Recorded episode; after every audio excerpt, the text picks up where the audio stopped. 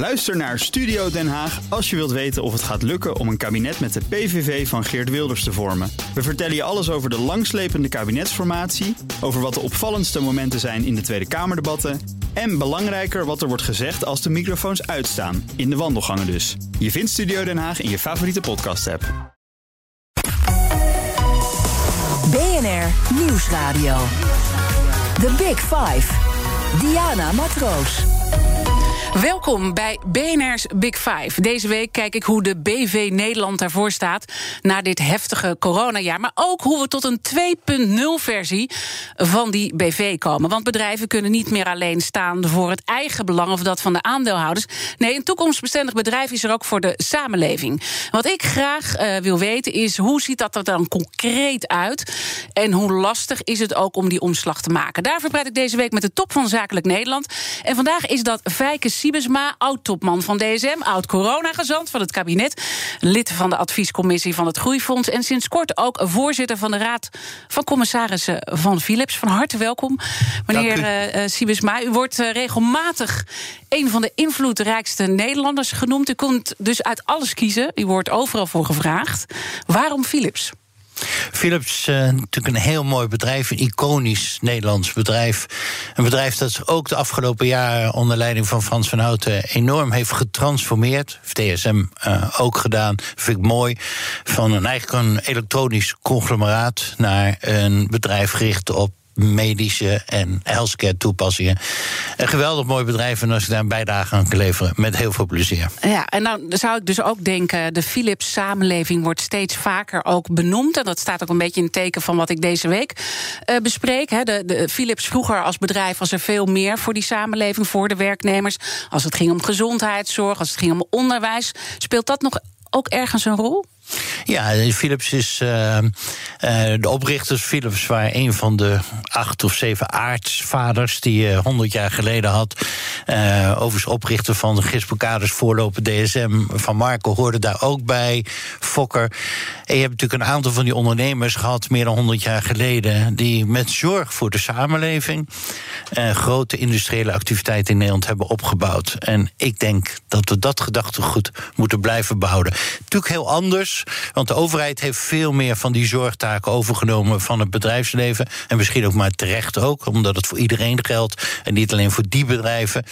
Maar het gedachtegoed wat erachter zit, spreekt mij nergens aan. En gaat Philips dan ook meer die kant op? Philips is denk ik een heel verantwoordelijk uh, bedrijf. Uh, en uh, natuurlijk in een andere context dan 100 jaar geleden. Ja, maar goed, daarin zijn we allemaal zoekende welke kant we ook op staan, op gaan en op moeten gaan. Laten we eerst even kijken waar we nu staan als het gaat om de BV Nederland. En ik heb van Herman Tjenk Willink altijd geleerd: als er een crisis is, want die heeft ook hier in de uitzending gezet, moeten we eerst goed kijken in wat voor type crisis zitten we nu. Want die vraag wordt heel vaak overgeslagen, zegt hij. Waar zitten we? In wat voor type crisis? Ja, ik zou niet alles aan corona uh, willen relateren. En natuurlijk zitten we in een grote coronacrisis. Dat begrijpt iedereen. Heeft enorme impact, uh, medisch op onze gezondheid, maar natuurlijk ook economisch en ook sociaal-maatschappelijk. En natuurlijk moeten we daar uitkomen. En misschien hebben we zeker economisch nog niet alle effecten uh, daarvan gezien. We hebben zelfs gezien dat de afgelopen periode heel weinig, veel minder dan normaal bedrijven failliet zijn gegaan. Dat zou je misschien niet helemaal dat is heel verwachten. En dat komt misschien nog. Aan de andere kant zegt de Europese Commissie, die heeft de voorspelling uitgesproken dat het uh, nieuws van vandaag van het gaat allemaal weer heel snel goed komen. Nou, dat zou geweldig zijn als dat zo is. Zeker ook voor de banen uh, van iedereen. Maar ik denk dat we ook voor corona zagen dat er een hoop zorgen Als je nog even de periode in 2019 voor corona uh, uh, terughaalt, dan zagen we daar uh, teleurgestelde of boze bouwers, boeren. Uh, zorgverleneraars, leraren, allemaal op het Malieveld één voor één protesteren. Omdat zich zorgen maken over hun werk, hun toekomst, uh, misschien wel hun kinderen. Uh, en dus er zijn veel meer uh, zorgen. Er waren heel veel protesten rondom het klimaat, voor- en tegenstanders. Dus er zijn veel meer issues eigenlijk dan, dan corona. En de vraag is inderdaad, wat voor land willen we bouwen naar de toekomst? Wat is de rol van het bedrijfsleven? Wat is de rol van de overheid? En eigenlijk wat voor visie, wat voor wat voor toekomstplaatje maken we? En daarin zijn natuurlijk een heleboel dingen uh, van belang over de toekomst van Nederland. Uh, als ja. ik mag. Uh, we gaan natuurlijk uh, door met de vergrijzing. We krijgen een kleinere beroepsbevolking. En we hebben steeds meer behoeftes uh, om geld te spenderen aan klimaat, aan gezondheidszorg, omdat we allemaal ouder worden en zieker worden. En we zullen dat met steeds minder mensen moeten opbrengen. Ja. En dat gaat straks een keer knellen. En, da en, daar komt natuurlijk ook de oproep voor een sociaal contract uh, vandaan. Dat uh, uh, hebben jullie samen gedaan. Hè? Kim Putters van het Sociaal Cultureel Planbureau en u. Dat was januari 2020. Is dat dan niet toch in alle eerlijkheid weer meer op de achtergrond gekomen door corona? Ja, misschien een beetje wel inderdaad. We hebben een jaar geleden die oproep gedaan omdat we zagen dat uh, de boeren, de bouwers, uh, uh, de leraren, de zorgverleners op het Malieveld stonden. En waarom? Zorg voor een baan, zorg voor een toekomst, zorg voor een eerlijk inkomen. Maar ook een heleboel mensen die hun weg niet meer weten te vinden, zeiden wij toen, in een, in een hele complexe samenleving. Nou, dat werd in het jaar ook nog een keer bewaarheid uh, met de hele belastingpolitiek voor uh, de toeslagenaffaire. Mensen die een weg niet weten te vinden in een complexe maatschappij. En ik denk dat het de taak van ons allen is om te zorgen dat iedereen mee kan doen. Dat iedereen zijn weg kan vinden in een complexe maatschappij. Dat iedereen een eerlijk inkomen kan krijgen. Dat er een juist minimumloon is. Dat er niet alleen maar flexwerkers zijn enzovoort. En daarin is natuurlijk ook het herstelfonds heel erg uh, belangrijk. Of ook wel het Wopke Wiebesfonds uh, genoemd. En daar zit u ook in de commissie om te kijken van... nou, wat komt er doorheen en wat komt er niet doorheen. En dan is er precies op dit punt van nou ja, bijvoorbeeld sociale innovatie... is er kritiek. Bijvoorbeeld van degene die nu aan het hoofd staat... van de Erasmus Universiteit in Rotterdam. Hoe kijkt u naar dat soort kritiek? Wordt er vanuit het herstelfonds daar voldoende naar gekeken? Het herstelfonds is eigenlijk opgericht door het kabinet en de twee ministers die u noemde. Eh, om wat ik net zei, we krijgen straks een kleinere beroepsbevolking. En we hebben meer wensen in de sfeer van uitgaven. Voor zorg, voor klimaat. Dat gaat wringen. Dus moeten we werken aan het verdienvermogen van Nederland. Waar verdient Nederland straks zijn geld mee? Als je veel wil uitgeven, moet je het ook verdienen. En daarin zullen innovatie, eh, kennis, dat soort dingen een belangrijke rol spelen. Nou, kan je een, een duw geven in de investeringen in Nederland om dat verdienvermogen van Nederland te vergroten. Ik denk dat voor Nederland want we zullen niet alle commodities en laagwaardige producten gaan produceren in Nederland. Daar zijn we te duur voor. Dus het zal om hoogwaardige dingen moeten gaan. Dus we moeten inzetten op innovatie, we moeten inzetten op digitalisering, we moeten inzetten op artificial intelligence, kunstmatige intelligentie. Dat soort terreinen zullen van belang zijn. Maar, dat maar is hij zegt dus, uh, eigenlijk zou je dit moment moeten aanpakken om armoede, uh, kansenongelijkheid aan te pakken. En dus meer sociaal innovatieve uh, projecten daar binnen dat herstelfonds en ze hebben daar geloof ik dan zelf ook iets uh, voor. Ja. Maar, maar, maar uh, dat komt niet echt uh, bij het herstelfonds nu tot uiting in de keuzes die daarin worden gemaakt. Nou, het herstelfonds is een beetje afhankelijk, of het herstelfonds, groeifonds zoals het heet, is een beetje afhankelijk. Ehm, van wat er wordt aangedragen. Het is niet dat het Groeifonds zelf in staat is om projecten uh, op te zetten of te, te regelen of wat dan ook. Mm -hmm. Dus ze zijn afhankelijk wat er wordt ingediend. Die worden ingediend via de ministeries en die komen dan uiteindelijk bij ons. Dus wat er niet ingediend is, kunnen wij niet uh, goedkeuren. Oké, dus dit is een oproep om dat wel te doen als het ja, gaat want om sociaal... het lijkt me ja. zeker verstandig om na te denken over welke projecten kunnen ook uh, helpen, zoals u bedoelt, aan de sociale cohesie in, in, in Nederland. En nogmaals, het Groeifonds richt zich op innovatie, uh, nieuwe hoogwaardige technologieën waar de bedrijvigheid vandaan kan komen kennis. Hoe kunnen we competenties ontwikkelen in Nederland? Hoe kunnen we kennis hebben? En drie, ook infrastructuur. En dat is fysieke infrastructuur, maar ook digitale infrastructuur. Daar hebben we het afgelopen jaar natuurlijk ook gemerkt ja. hoe belangrijk die is. En als we nou op die gebieden uh, het een en het ander doen, dan kan Nederland weer door, is het idee, in de vaart te volkeren en voorbereid zijn op een toekomst. En ik ben het volstrekt met u eens. Uh, sociale innovatie en iedereen in de boot mm -hmm. krijgen of houden is van groot belang. Is van groot belang. En dan uh, niet om nou dat hele herstelfonds uh, af te kammen, maar er is gewoon uh, kritiek, hè, ook op dat fonds. En dat is denk ik altijd in dit soort situaties, ja. dat iedereen er wat van vindt. Maar toch wordt bijvoorbeeld ook door Klaver, Jesse Klaver van GroenLinks gezegd, maar ook door Bas Jacobs, hoogleraar natuurlijk, of, of de hoofdeconoom van de ABN AMRO. Er is te veel focus op dat BBP als het gaat om het herstelfonds. Hè, om, om, om dat type groei. Je moet eigenlijk veel breder uh, kijken naar, dat, uh, naar die afbakening. Hoe kijkt ja. u daarnaar? Ja, u haalt twee termen uh, door elkaar herstelfonds en groeifonds. Dit gaat ja, om ja, het groeifonds. Groeifonds. Nou, er zijn ook, ja, maakt niet uit, maar er zijn ook ideeën over een herstelfonds. En die zijn direct aan corona gerelateerd. En dit was eigenlijk al ontstaan voor corona. Had ook niet zo heel veel met corona te maken. Had te maken met als de beroepsbevolking kleiner wordt en minder mensen het voor meer moeten verdienen en we hebben meer wensen op uitgaven, hoe gaan we dat eigenlijk regelen? Daar ging dit om. Ja, er zal ongetwijfeld kritiek zijn van alle over de hele Tweede Kamer. Uh, en bij meerderheid heeft dit goedgekeurd. Dus uh, ja. die, die staan hier zelf achter. En aan ons is het om te beoordelen dat wat, wat, wat boven komt. Maar ik ben het direct met u eens dat als we daarin kunnen vlechten uh, meer samenhang en, en meer betrokkenheid en leefbaarheid en ook kansen voor iedereen in de maatschappij, zou dat uh, mij een heel groot goed zijn. Een van de onderwerpen die daarin ook aan de orde komt, is uh, hoe kan je nou een leven lang leren ontwikkelen? Ik weet, over het algemeen leiden we mensen op tot een jaar of 23, 24, 25.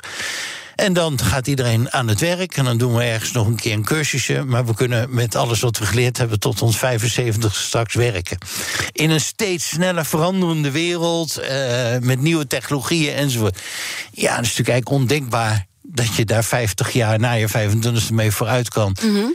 Hoe kunnen we dat nou inzetten? Ja. En met name diegenen die uh, misschien minder kans hebben gekregen en het moeilijker vinden om mee te komen in die veranderende wereld, hoe kunnen we die ook hierbij blijven betrekken? Dat zou ik geweldige projecten vinden. Dus als het mag ook, ook wel wat breder als het gaat om de invulling uh, van dat fonds. Ja, zeker. Als je het uh, bijvoorbeeld over een leven lang leren hebt, zouden wij dat heel graag ja. willen omarmen. Om, om ook iedereen gelijke kansen te kunnen geven. The Big Five. Diana Matroos. Deze week praat ik met verschillende kopstukken uit de wereld van de BV Nederland. Eerder deze week sprak ik met de voorman van de banken, de NVB, Chris Buink. Met de topman van Corendon, Stefan van der Heijden. En met tech-investeerder Janneke Niezen over dit thema. En natuurlijk zijn al die gesprekken zoals altijd terug te luisteren in onze BNR-app. Mijn gast vandaag is Fijke Siebesma. Uh, als we even kijken van waar we staan in die crisis, was die crisis dus eigenlijk al veel langer uh, aan de gang. Uh, u benoemde daarbij de protesten die we hebben gezien. Ik denk dat het ook wel ging, gaat over de afhankelijkheid die we hebben van de rest van de wereld. Ja, die is natuurlijk steeds groter geworden. Uh, de globalisering speelt daar een hele belangrijke rol. Globalisering is eigenlijk een hele logische ontwikkeling, omdat het heeft te maken met uh, daar waar je goed in bent, ga dat doen. En drijf dan handel met elkaar om, om uh, waar jij goed in bent uh, uit te voeren naar de andere en omgekeerd. Dus globalisering is, is een logisch gevolg van wereldwijde handel. En de globalisering heeft welvaart gebracht voor vele landen en voor miljarden mensen. Alleen niet voor alle landen en niet voor iedereen in alle landen. En daar wringt het hem. Want globalisering die uh, mensen ook op achterstand zet en een aantal groepen buiten die welvaartsverhoging uh, uh, houdt, dat geeft natuurlijk terecht onvrede. Dat hebben we in Amerika gezien. En we zullen naar mijn smaak de globalisering veel inclusiever moeten maken. Anders keert het wal het schip. Ja. Kijk, als je kijkt naar het midden van Amerika, die, de, de twee kusten hebben het heel goed gedaan en, en hebben allemaal geprofiteerd. En het midden heeft de cementindustrie, de staalindustrie, de chemieindustrie, de kolenindustrie zien verdwijnen naar andere landen. En, en die waren uh, boos. En dat begrijp ik ook. En als je daar niks voor terugzet. En dan is het te makkelijk om te zeggen, daar moeten ze zelf maar voor zorgen. Nee, Ja. daar zal de overheid ook een, een, een En stukje dan bij kom je moeten helpen. eigenlijk ook bij de diepere lagen. Misschien ook wel de naam BV Nederland. Misschien is die intussen wel een beetje outdated. Ik bedoel, eh, de hele week eh, heet zo eh, bij ons. Maar hoe moeten we nu naar die economie kijken? Als je dus ziet de type crisis waar we in zitten, die zich dus op meerdere fronten uit. Wat is dan de dieperliggende oorzaak van die problemen die we hebben, waar we dus nu over na moeten denken? Nou, precies wat u zegt. eh, er zijn natuurlijk een heleboel eh, issues. Eh, klimaat is een issue, ongelijkheid. Klimaat is gaan we het straks over hebben in het tweede Ja. deel van ons gesprek. Ja. Dat, dat, dat zijn issues. Maar als we beginnen even met die, met die globalisering. we zullen die inclusiever moeten maken. En ehm, eh, ik, ik gaf net het voorbeeld van Amerika, waar een heleboel industrieën verdwenen zijn zonder dat er iets terug is gekomen. Is misschien een mooie vergelijking met DSM. Ooit was DSM groot in kolen. Eh, en op een gegeven moment hadden we dat niet meer nodig en wilden we dat niet meer in Nederland. En toen hebben we de mijnen gesloten in de jaren zestig. En toen is er een programma gekomen door DSM, maar ook de overheid, om de mensen, en dat is lastig geweest, maar het wel gelukt uiteindelijk, herop te leiden, eh, andere vaardigheden te leren, andere banen te geven, andere activiteiten zijn in Zuid-Limburg neergezet. Ehm, een nieuwe draai gegeven, wat nu dan Camelot is geworden, om mensen weer een toekomstperspectief te bieden. En op het moment dat je bepaalde activiteiten verliest. Ehm, eh, eh, omdat je die niet meer kan hebben in het land, moet je daar iets voor terugzetten en moet je daar iets aan doen. Je kan de mensen daar niet aan hun lot En, overlaten. en, en u geeft daar aan, zo'n transitie is gewoon heel erg eh, lastig. Hoe kom je dan toch door die lastigheid heen? heen? Om het niet alleen aan het marktmechanisme over te laten. Ja, sorry, deze activiteiten eh, haken af, want dat willen we niet meer door concurrentie. Of dat willen we niet meer. We komen daar straks nog even terug over klimaat. Maar ook mijn vraag straks waarschijnlijk aan degene voor volgende week eh, rondom eh, onze agrosector. Eh, je moet daar iets voor in de plaats zetten en dan moet je met elkaar aan werken. Ja. Want anders krijg je dat een deel van de bevolking niet meer meedoet. Ja. En dat is het laatste wat je wil in een Dus samenleving. we moeten af eh, van dat marktdenken. Eh, dat gaat eigenlijk heel lang terug. Dat we, bedoel, we zijn allemaal grootgebracht, ook eh, zakelijk en ook al onze BNR-luisteraars, juist met dat marktdenken eh, natuurlijk. Eh, wa- waarom, wa- en tegelijkertijd eh, zegt u eh, bij dat groeifonds, het gaat wel om het verdienvermogen. We moeten wel naar dat BBP kijken. Ja. Dus het is allebei wel belangrijk. Ja, 100% eens. Eh, je kan, het marktdenken moet je niet afschaffen. Het marktdenken is van belang. Maar het moet gebalanceerd zijn. En het moet eh, ook mede gestuurd worden. Je kan het niet alleen aan het marktdenken overlaten. Je kan het niet alleen eh, richten op geld verdienen. Er moet geld verdiend worden. Kijk, de economie is nooit begonnen eh, om veel geld te verdienen. Dat, dat had niemand bedacht in het begin. De economie is begonnen omdat één was beter om gewassen te telen en de ander om buffels te vangen. En die kwamen erachter. Als jij nou dit doet Ja. en ik dat. Ja. En dan wisselen we op het einde van de dag. En dan zijn we allebei gelukkiger. Dat is een belangrijk element. En toen kwamen er steeds meer bij betrokken. Toen hebben we goud uitgevonden als ruilmiddel. Niet als verdienmiddel, maar als ruilmiddel. En toen hebben we daarna dat omgezet in geld. En uiteindelijk in computers. Want het meeste geld in de wereld bestaat fysiek überhaupt niet op dit moment. Ehm, maar het is een middel. Nou ben ik opgegroeid met een econoom die ik eh, op mijn colleges kreeg en waar ik moest naar luisteren, Milton Friedman. Allemaal over geld verdienen en aandeelhouderswaarde. Of een celebrity CEO, Jack Wells van eh, General Electric. Het is allemaal over aandeelhouderswaarde en geld verdienen. Of de Corporate Governance Code in het begin in Nederland, ook allemaal aandeelhouderswaarde. En ik dacht dan altijd, ja, het is leuk, die markt en geld verdienen als middel is van belang.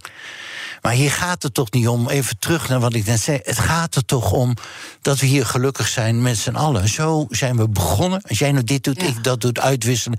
Dan zijn we weer gelukkig. en dat verliezen we een beetje. Ja, en maar, maar u zegt, ik, ik ben dat altijd blijven vasthouden. Maar wanneer werd dat voor u spannend dan? Want ehm, ja, iedereen zit met aandeelhouders. eh, daar moet je toch wel mee verhouden. We weten allemaal hoe het afgelopen is met de topman van Danone. We weten ook eh, dat Paul Polman uiteindelijk heeft eh, moeten inleveren. Ja, dat is een heel lastig spanningsveld. Ik kan dat niet leuker maken dan dat het af en toe is. Dat is een lastig spanningsveld. Want je hebt natuurlijk aandeelhouders en die willen dat je gewoon geld verdient en rendement. En dat is overigens ook heel logisch en terecht, want die aandeelhouders zijn deels pensioenfondsen. En die willen over 30 jaar dat het geld dat ze innen en dat ze beleggen ook nog wat waard is om het aan u en mij uit te kunnen keren. Eh, en door de geldontwaarding nog steeds een redelijk pensioen te hebben. Dus het is ook logisch dat er geld verdiend moet worden. Echter, ik vind het onterecht als het geld verdienen te veel richt op de korte termijn. Ik vind het onterecht als het alleen maar gaat om die aandeelhouderswaarde en niet ook gaat om het wel en wee van je eigen medewerkers of je klanten of de maatschappij als geheel. Dus het moet op een gebalanceerde uh, manier gebeuren. En af en toe hebben we natuurlijk gezien dat het niet gebalanceerd is, omdat er maar naar één dimensie wordt gekeken of één uh, belangengroepering, mhm. bijvoorbeeld aandeelhouders. En daar uh, moeten we vanaf. Hoe kan je als bedrijf dat managen? Ja, ik heb het aan de lijf ondervonden dat het af en toe niet makkelijk is. Je zit in dat, dat spanningsveld. En wat we hebben geprobeerd is om onze bijdrage aan de maatschappij uh, proberen te verankeren in de kern van onze business en de kern van onze activiteiten. En ik ben er dus niet zo voor om allerlei maatschappelijk verantwoorde activiteiten aan de zijlijn van je bedrijf te hebben. Van dit doen wij, maar we doen een paar leuke dingen aan de zijlijn. Nee, probeer nou uh, van de manier waarop je je kernvaardigheden hebt en je geld verdient, probeer daar nou activiteiten van te maken waar je niet alleen geld hoeft verdienen, maar ook een betere wereld kan bijdragen. Of het nou honger is, of gezondere voedsel, of klimaat, of ongelijkheid, of uh, mm -hmm. ontwikkeling van vrouwen, of okay, kennis. Maar hoe Maakt doe je dat uit. in de. En misschien is het ook leuk om straks nog even te kijken welke andere bedrijven daar ook goed uh, in slagen. Maar hoe krijg je dan zo'n bijna onmogelijke opdracht voor elkaar? Of Nou, is dat al een verkeerd vertrekpunt, hoe ik er nu over praat? Een onmogelijke opdracht. Uh, ja, hopelijk is het een mogelijke opdracht. Uh, uh, ik zou bedrijven altijd aanbevelen om te kijken... waar zitten nou je, je kerncompetenties, je vaardigheden? Waar ben je nou goed in? En kan je die nou ook inzetten voor een betere wereld. En kan je dat doen op een manier dat het bedrijf ook geld kan verdienen. Want het bedrijf is natuurlijk geen uh, liefdadigheidsinstelling. Want dan houdt het op een gegeven moment op te bestaan. Uh, een bedrijf zal ook zijn geld moeten verdienen. En hoe kan je nou in die kern van je activiteiten bijdrage leveren aan een betere wereld? Dat is een ander denken dan uh, we doen gewoon wat we doen. En aan de zijlijn doen we een aantal leuke activiteiten mm -hmm. voor de samenleving. Nee, probeer dat nou in de kern van je activiteit. Dan, Welk dan bedrijf wordt... zou u willen uitdagen dan op dat punt? Een belangrijk bedrijf voor de BV Nederland waarvan u zegt... Uh, daar zou je echt wel op een interessante manier ook anders naar kunnen kijken. In principe geldt het voor alle bedrijven. Ja, maar noem er eens één. Omdat, want ik hou altijd om dingen ook een beetje concreet te maken. Nou, u noemde net Philips. Die probeert natuurlijk in de kern van zijn activiteiten nu gezondheidszorg een bijdrage te leveren aan een gezondere mens. En, en het liefst ook zoveel mogelijk thuis en niet alleen in het mm -hmm. ziekenhuis. Maar een Shell bijvoorbeeld, hoe moet een Shell uh, uh, vanuit ja, wat zij doen, hun core business, uh, beter doen voor de wereld met de bestaande producten die ze hebben? Ja, het ligt aan hoe je tegen Shell aankijkt. Hè. is Shell een oliebedrijf? Of is het al een olie- en gasbedrijf? Of is het een energiebedrijf? Uh, energie uh, zal van belang uh, voor ons zijn. Ja. altijd maar waarschijnlijk. Maar de topman van Beurden heeft het. We blijven pompen, pompen, pompen uit die grond. Ja, dat is een lang geleden opmerking. En ik ga niet specifiek in op Shell of andere bedrijven, want ik vind dat die dat zelf moeten doen en niet ik. Maar uh, als je Shell ziet als een energiebedrijf, dan kan het natuurlijk in die kern van wat, wat ze moeten doen, energie, een hele belangrijke rol spelen. Ook met duurzame energie. En, uh, en ik denk dat bedrijven op die manier naar zichzelf moeten kijken. Wat, wat leveren wij nou eigenlijk? En ik denk dat Shell in principe energie levert. En nu doen ze dat door middel van olie en gas. En misschien ja. in de toekomst met hele andere vormen van energie die duurzamer zijn, die beter voor ons allemaal zijn. Maar de omslag is natuurlijk uh, lastig. Mijn gast in BNR's Big Five van de BV Nederland is Fijke Siebesma. En straks uh, wil ik van hem weten welke conservatieve krachten er in Nederland zijn... die veranderingen tegenhouden. En laten we dan zeker ook praten over de politiek. Tot zo. BNR Nieuwsradio. The Big Five. Diana Matroos. Welkom bij het tweede halfuur van BNR's Big Five. Fijn dat je weer luistert. Deze week praat ik met de top van Zakelijk Nederland over de BV Nederland. En mijn gast uh, vandaag is Fijke Siebesma. BV Nederland, ik zei het net al een beetje. Mag ik het eigenlijk nog wel zo noemen of moeten we eigenlijk op zoek naar een andere naam? Liefst een andere naam, want de BV Nederland klinkt wel heel erg alsof het allemaal markt, bedrijfsmatig denken is. En het gaat over de samenleving ja, Nederland. Ja, wat uh, moeten we het dan zo noemen? De samenleving Nederland? Is dat eigenlijk ja, hoe deze al week. die woorden zijn natuurlijk een beetje afgekloven woorden. Maar de BV Nederland vind ik wel. Uh, benadrukken één invalshoek en dat is de bedrijfsmatige. Okay, en een land is meer. Deze. Ja, want een land is meer dan een bedrijf. Hè? Ja, en wat laten we dan naar het punt van klimaat uh, komen? Want dat benoemden we net al even, moeten we het straks ook over hebben.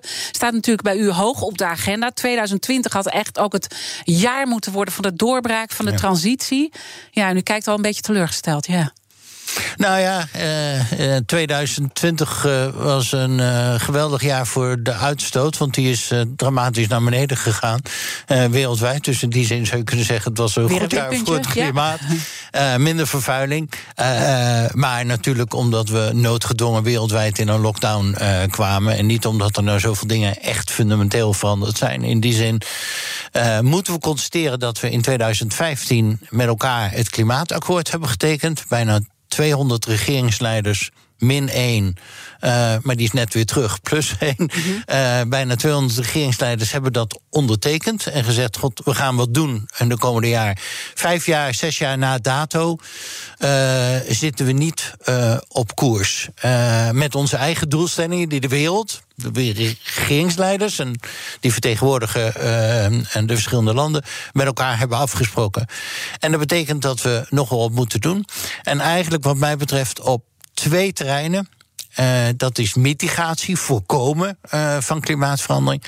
Maar ook adaptatie, omgaan met de klimaatverandering die er al is. Ja, en dat, dat was ook een belangrijk punt uh, op een top. Uh, een, uh, januari was Nederland gastheer van de eerste wereldtop over klimaatadaptatie. En u deed daar natuurlijk ook aan mee. Ja. Wat was daar het grootste probleem wat op tafel kwam?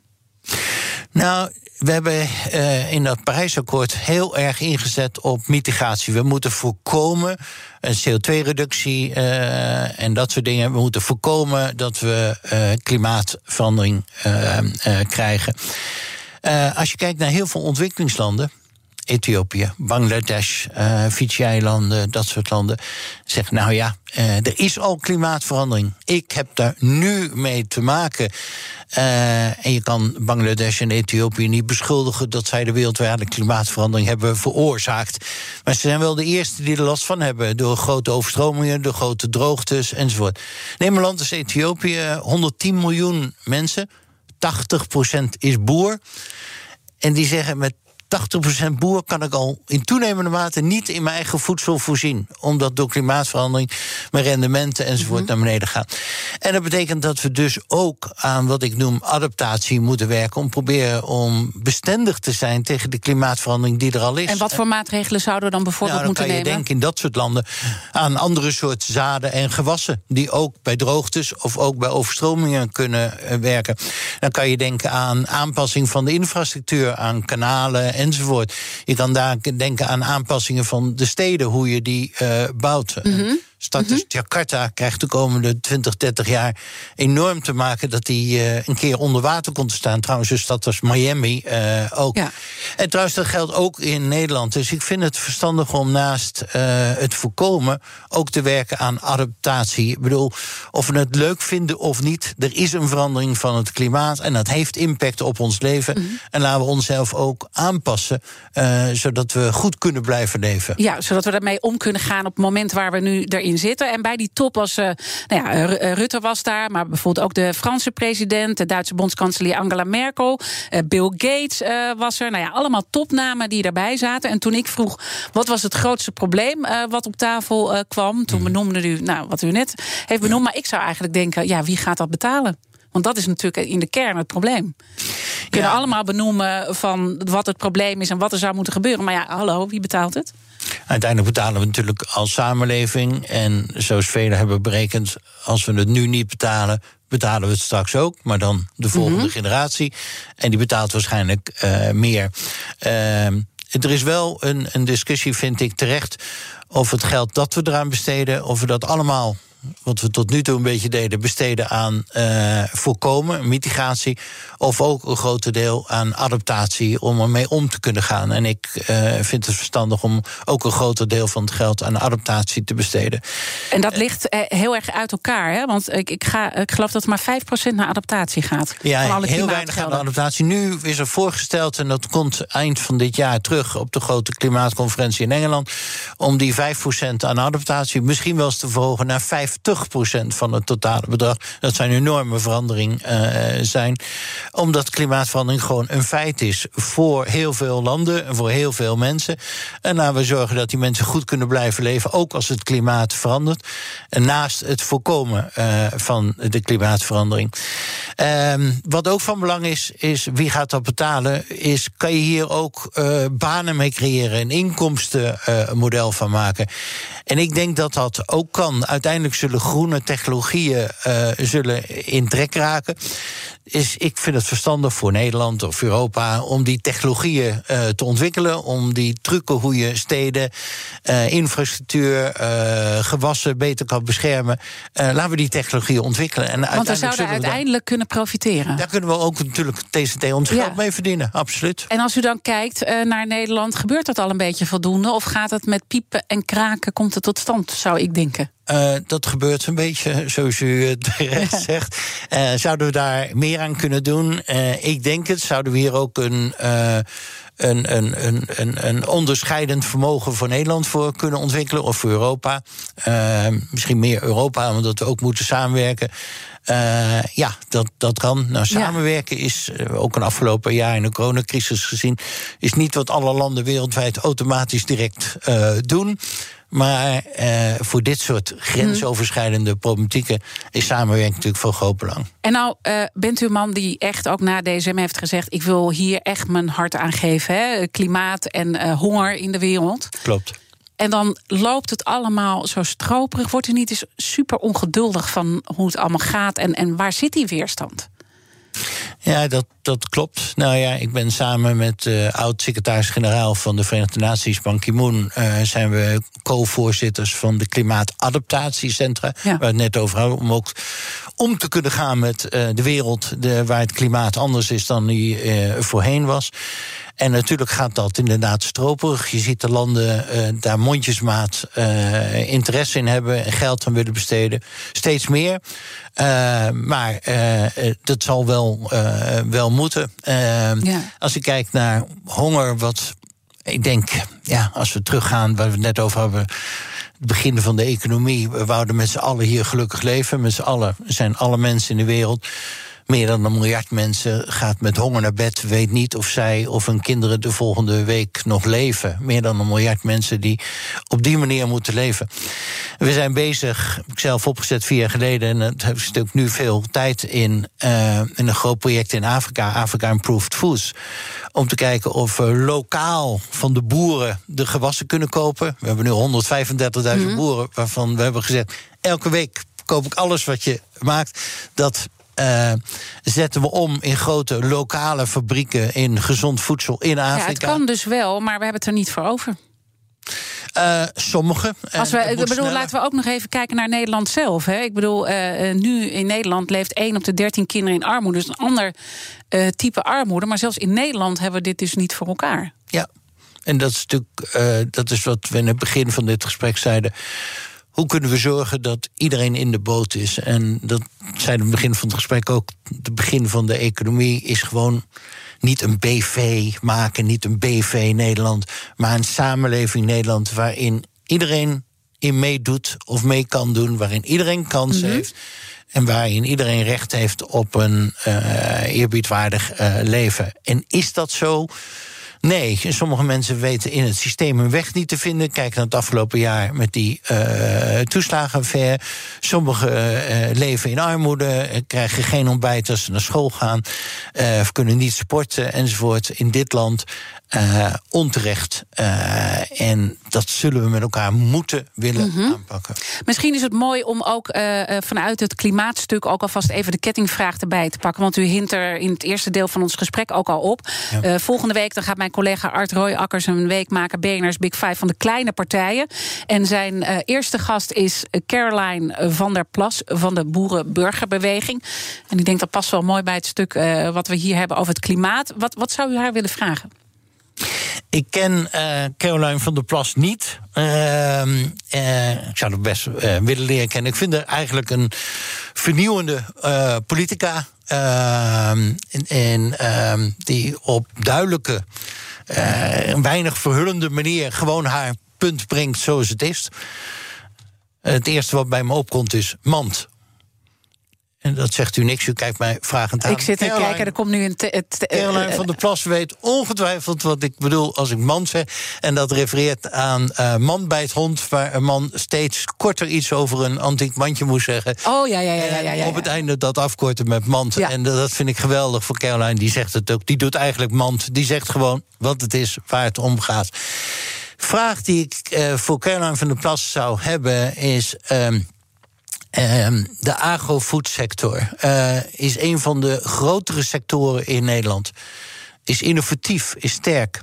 Geeft ons uh, een sterke exportpositie. We maken meer voedsel dan we zelf nodig hebben.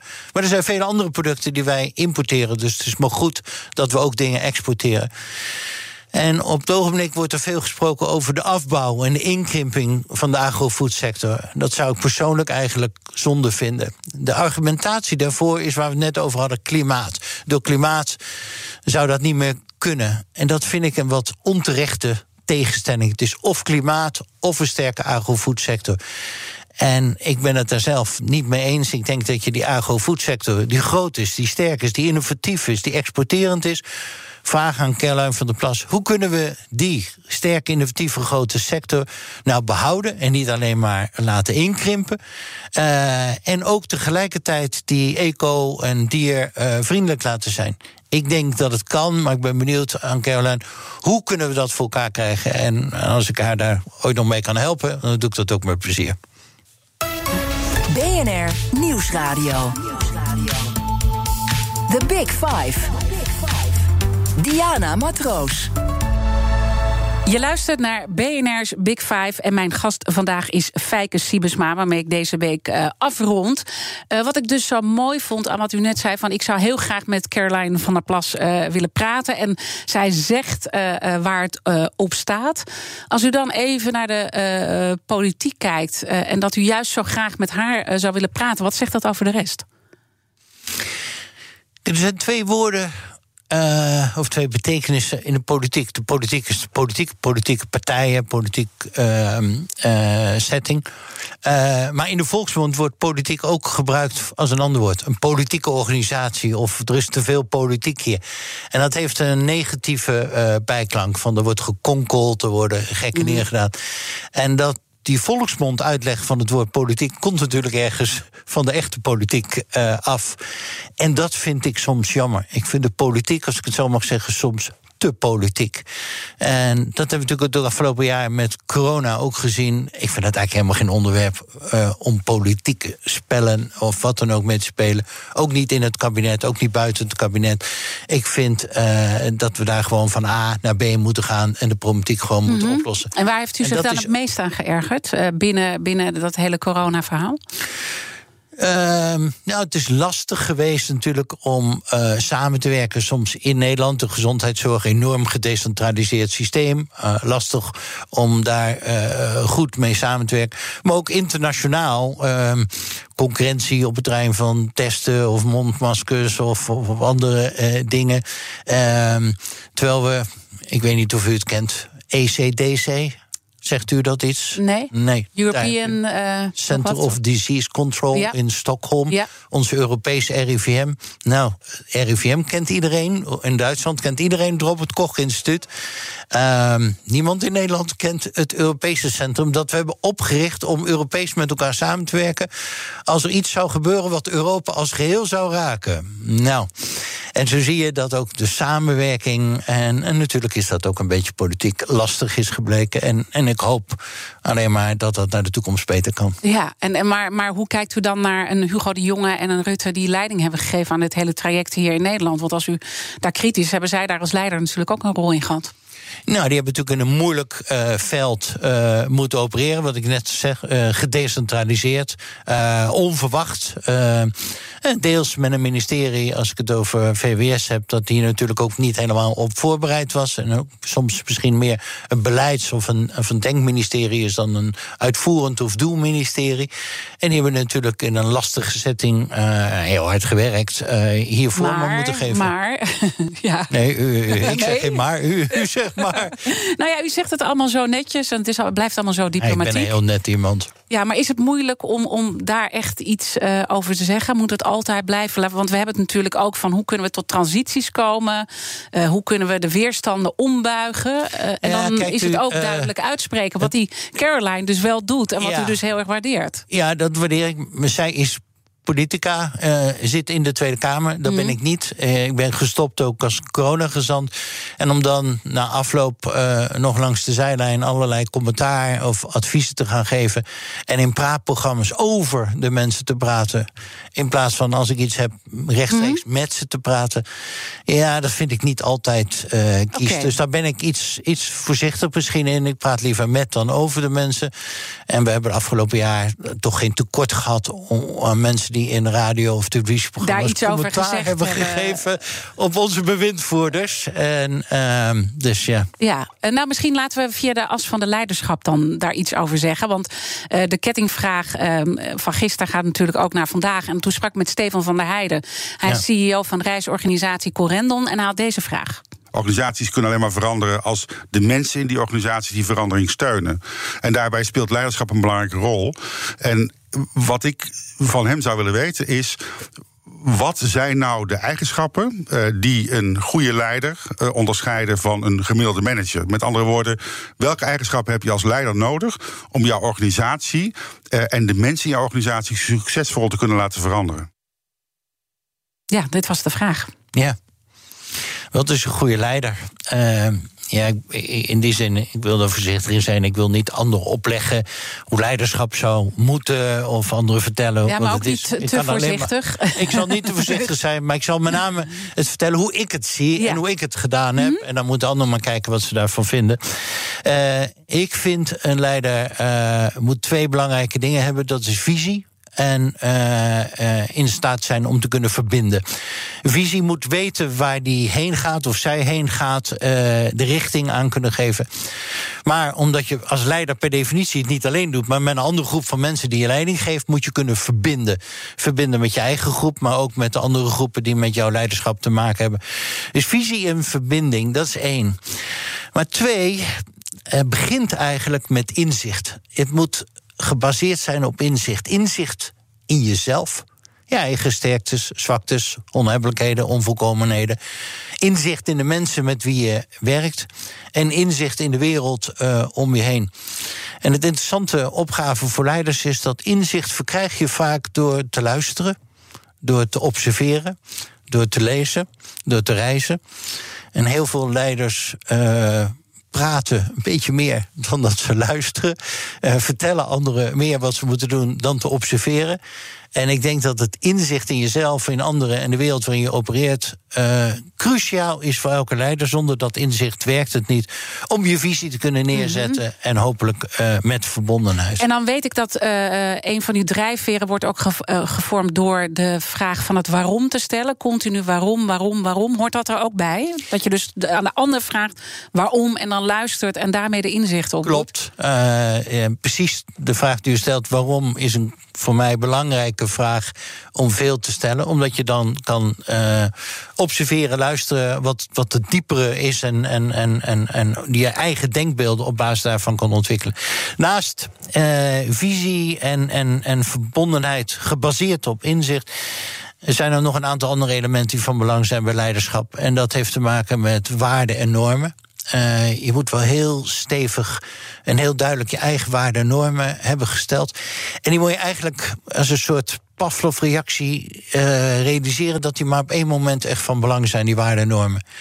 En dat is als je in de hoek gedrukt wordt, als je in de knel komt, sta je dan nog voor je eigen waardenormen. Kijk, als het mooi weer is en er niks aan de hand is, heeft iedereen geweldige waardenormen, kan iedereen daar geweldig over praten. Maar heb je die nog steeds ehm, eh, als je in de hoek staat? Eh, als Zoals je, nu in deze tijd, waar veel bedrijven eh, ja, toch wel het moeilijk hebben. Als je het moeilijk hebt. Of bij DSM, toen wij een activist hadden, die zei. "Nee, Alleen maar geld verdienen, de rest mee ophouden. Sta je dan nog eh, voor de dingen waarvoor je staat? En dan is het eh, ook een eigen lijf ondervonden. Dan is het veel lastiger. Maar misschien ook op dat moment eh, veel belangrijker. Ja, een ander ding. nee, maar wat helpt dan? Want dit, want, want dit is natuurlijk wel een belangrijk punt. We hadden het er eerder ook over. Hè, de, de, de topman van Danone die dan het veld eh, moet ruimen. Ja. Eh, eh, het is voor CEO's veel lastiger geworden. Je moet op veel meer borden schaken continu. Hoe hou je dan vast op het moment dat je een, een hele pittige aandeelhouder hebt? Communicatie. Communiceren, communiceren, communiceren. Heel veel. Ik heb ook gezegd toen wij met DSM begon, 13 jaar geleden... eh, we gaan voor de lange termijn. We gaan niet alleen voor aandeelhouderswaarde, we gaan enzovoort, enzovoort.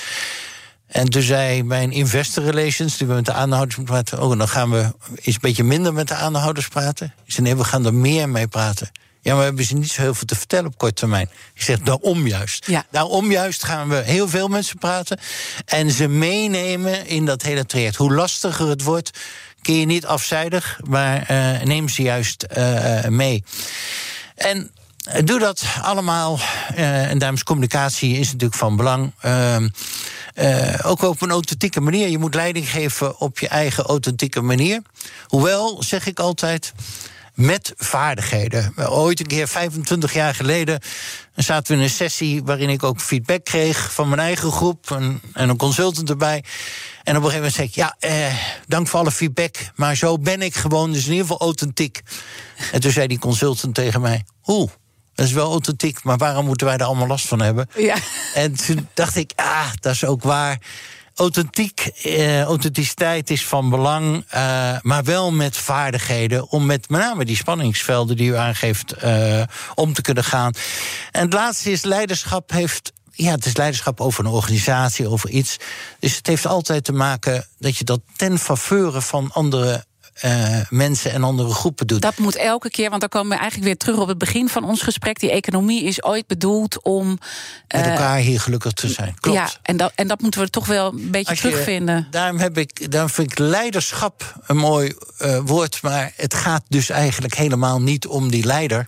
Het gaat om hoe die leider leiderschap invult ten faveur van andere mensen. Ja. Het gaat juist en, en niet om die die leider. zoektocht zitten we dus met z'n allen. Want het blijkt dus toch heel erg lastig. Eén, één, één advies nog op het moment dat je met die weerstand te maken krijgt. eh, je probeert je baas zover te krijgen om dit te doen wat, wat, wat u zegt. Of, of welke groep dan ook. En het lukt niet. Wat moet je doen om dat toch in beweging te krijgen? Eh, probeer misschien mensen te raken eh, op, op de kern waar het om gaat. Ik herinner me ooit in een aandeelhoudersvergadering dat men zei: Ah, Siebesma, stop met al die flauwkul over het klimaat en het Wereldvoedselprogramma. Ga toch gewoon geld verdienen en vergeet de rest. En toen voelde ik me wat onder druk staan. En eh, toen zei ik: Goh, eh, zal ik u eens meenemen naar een van mijn reizen en wat ik heb meegemaakt. En waar DSM heel sterk in is. En wat niet alleen onze verantwoordelijkheid is, maar ook u als aandeelhouder. En blijkbaar zei ik dat op een manier dat ik de mensen raakte. En toen stonden er een aantal mensen op te applaudisseren. Die zeiden: En dat is het bedrijf waar ik wil investeren. Nou, toen was ik een beetje blij natuurlijk. Eh, maar waarom? Omdat je mensen geraakt hebt op de essentie waar het om gaat. En eh, terug naar Caroline van der Plas raakte mensen op de essentie waar het om gaat. Goed, dank dat u mijn gast wilde zijn. Fijke Siebesma. Alle afleveringen zijn zoals altijd terug te luisteren op bnr.nl of de podcast. Ik wens iedereen een mooi weekend.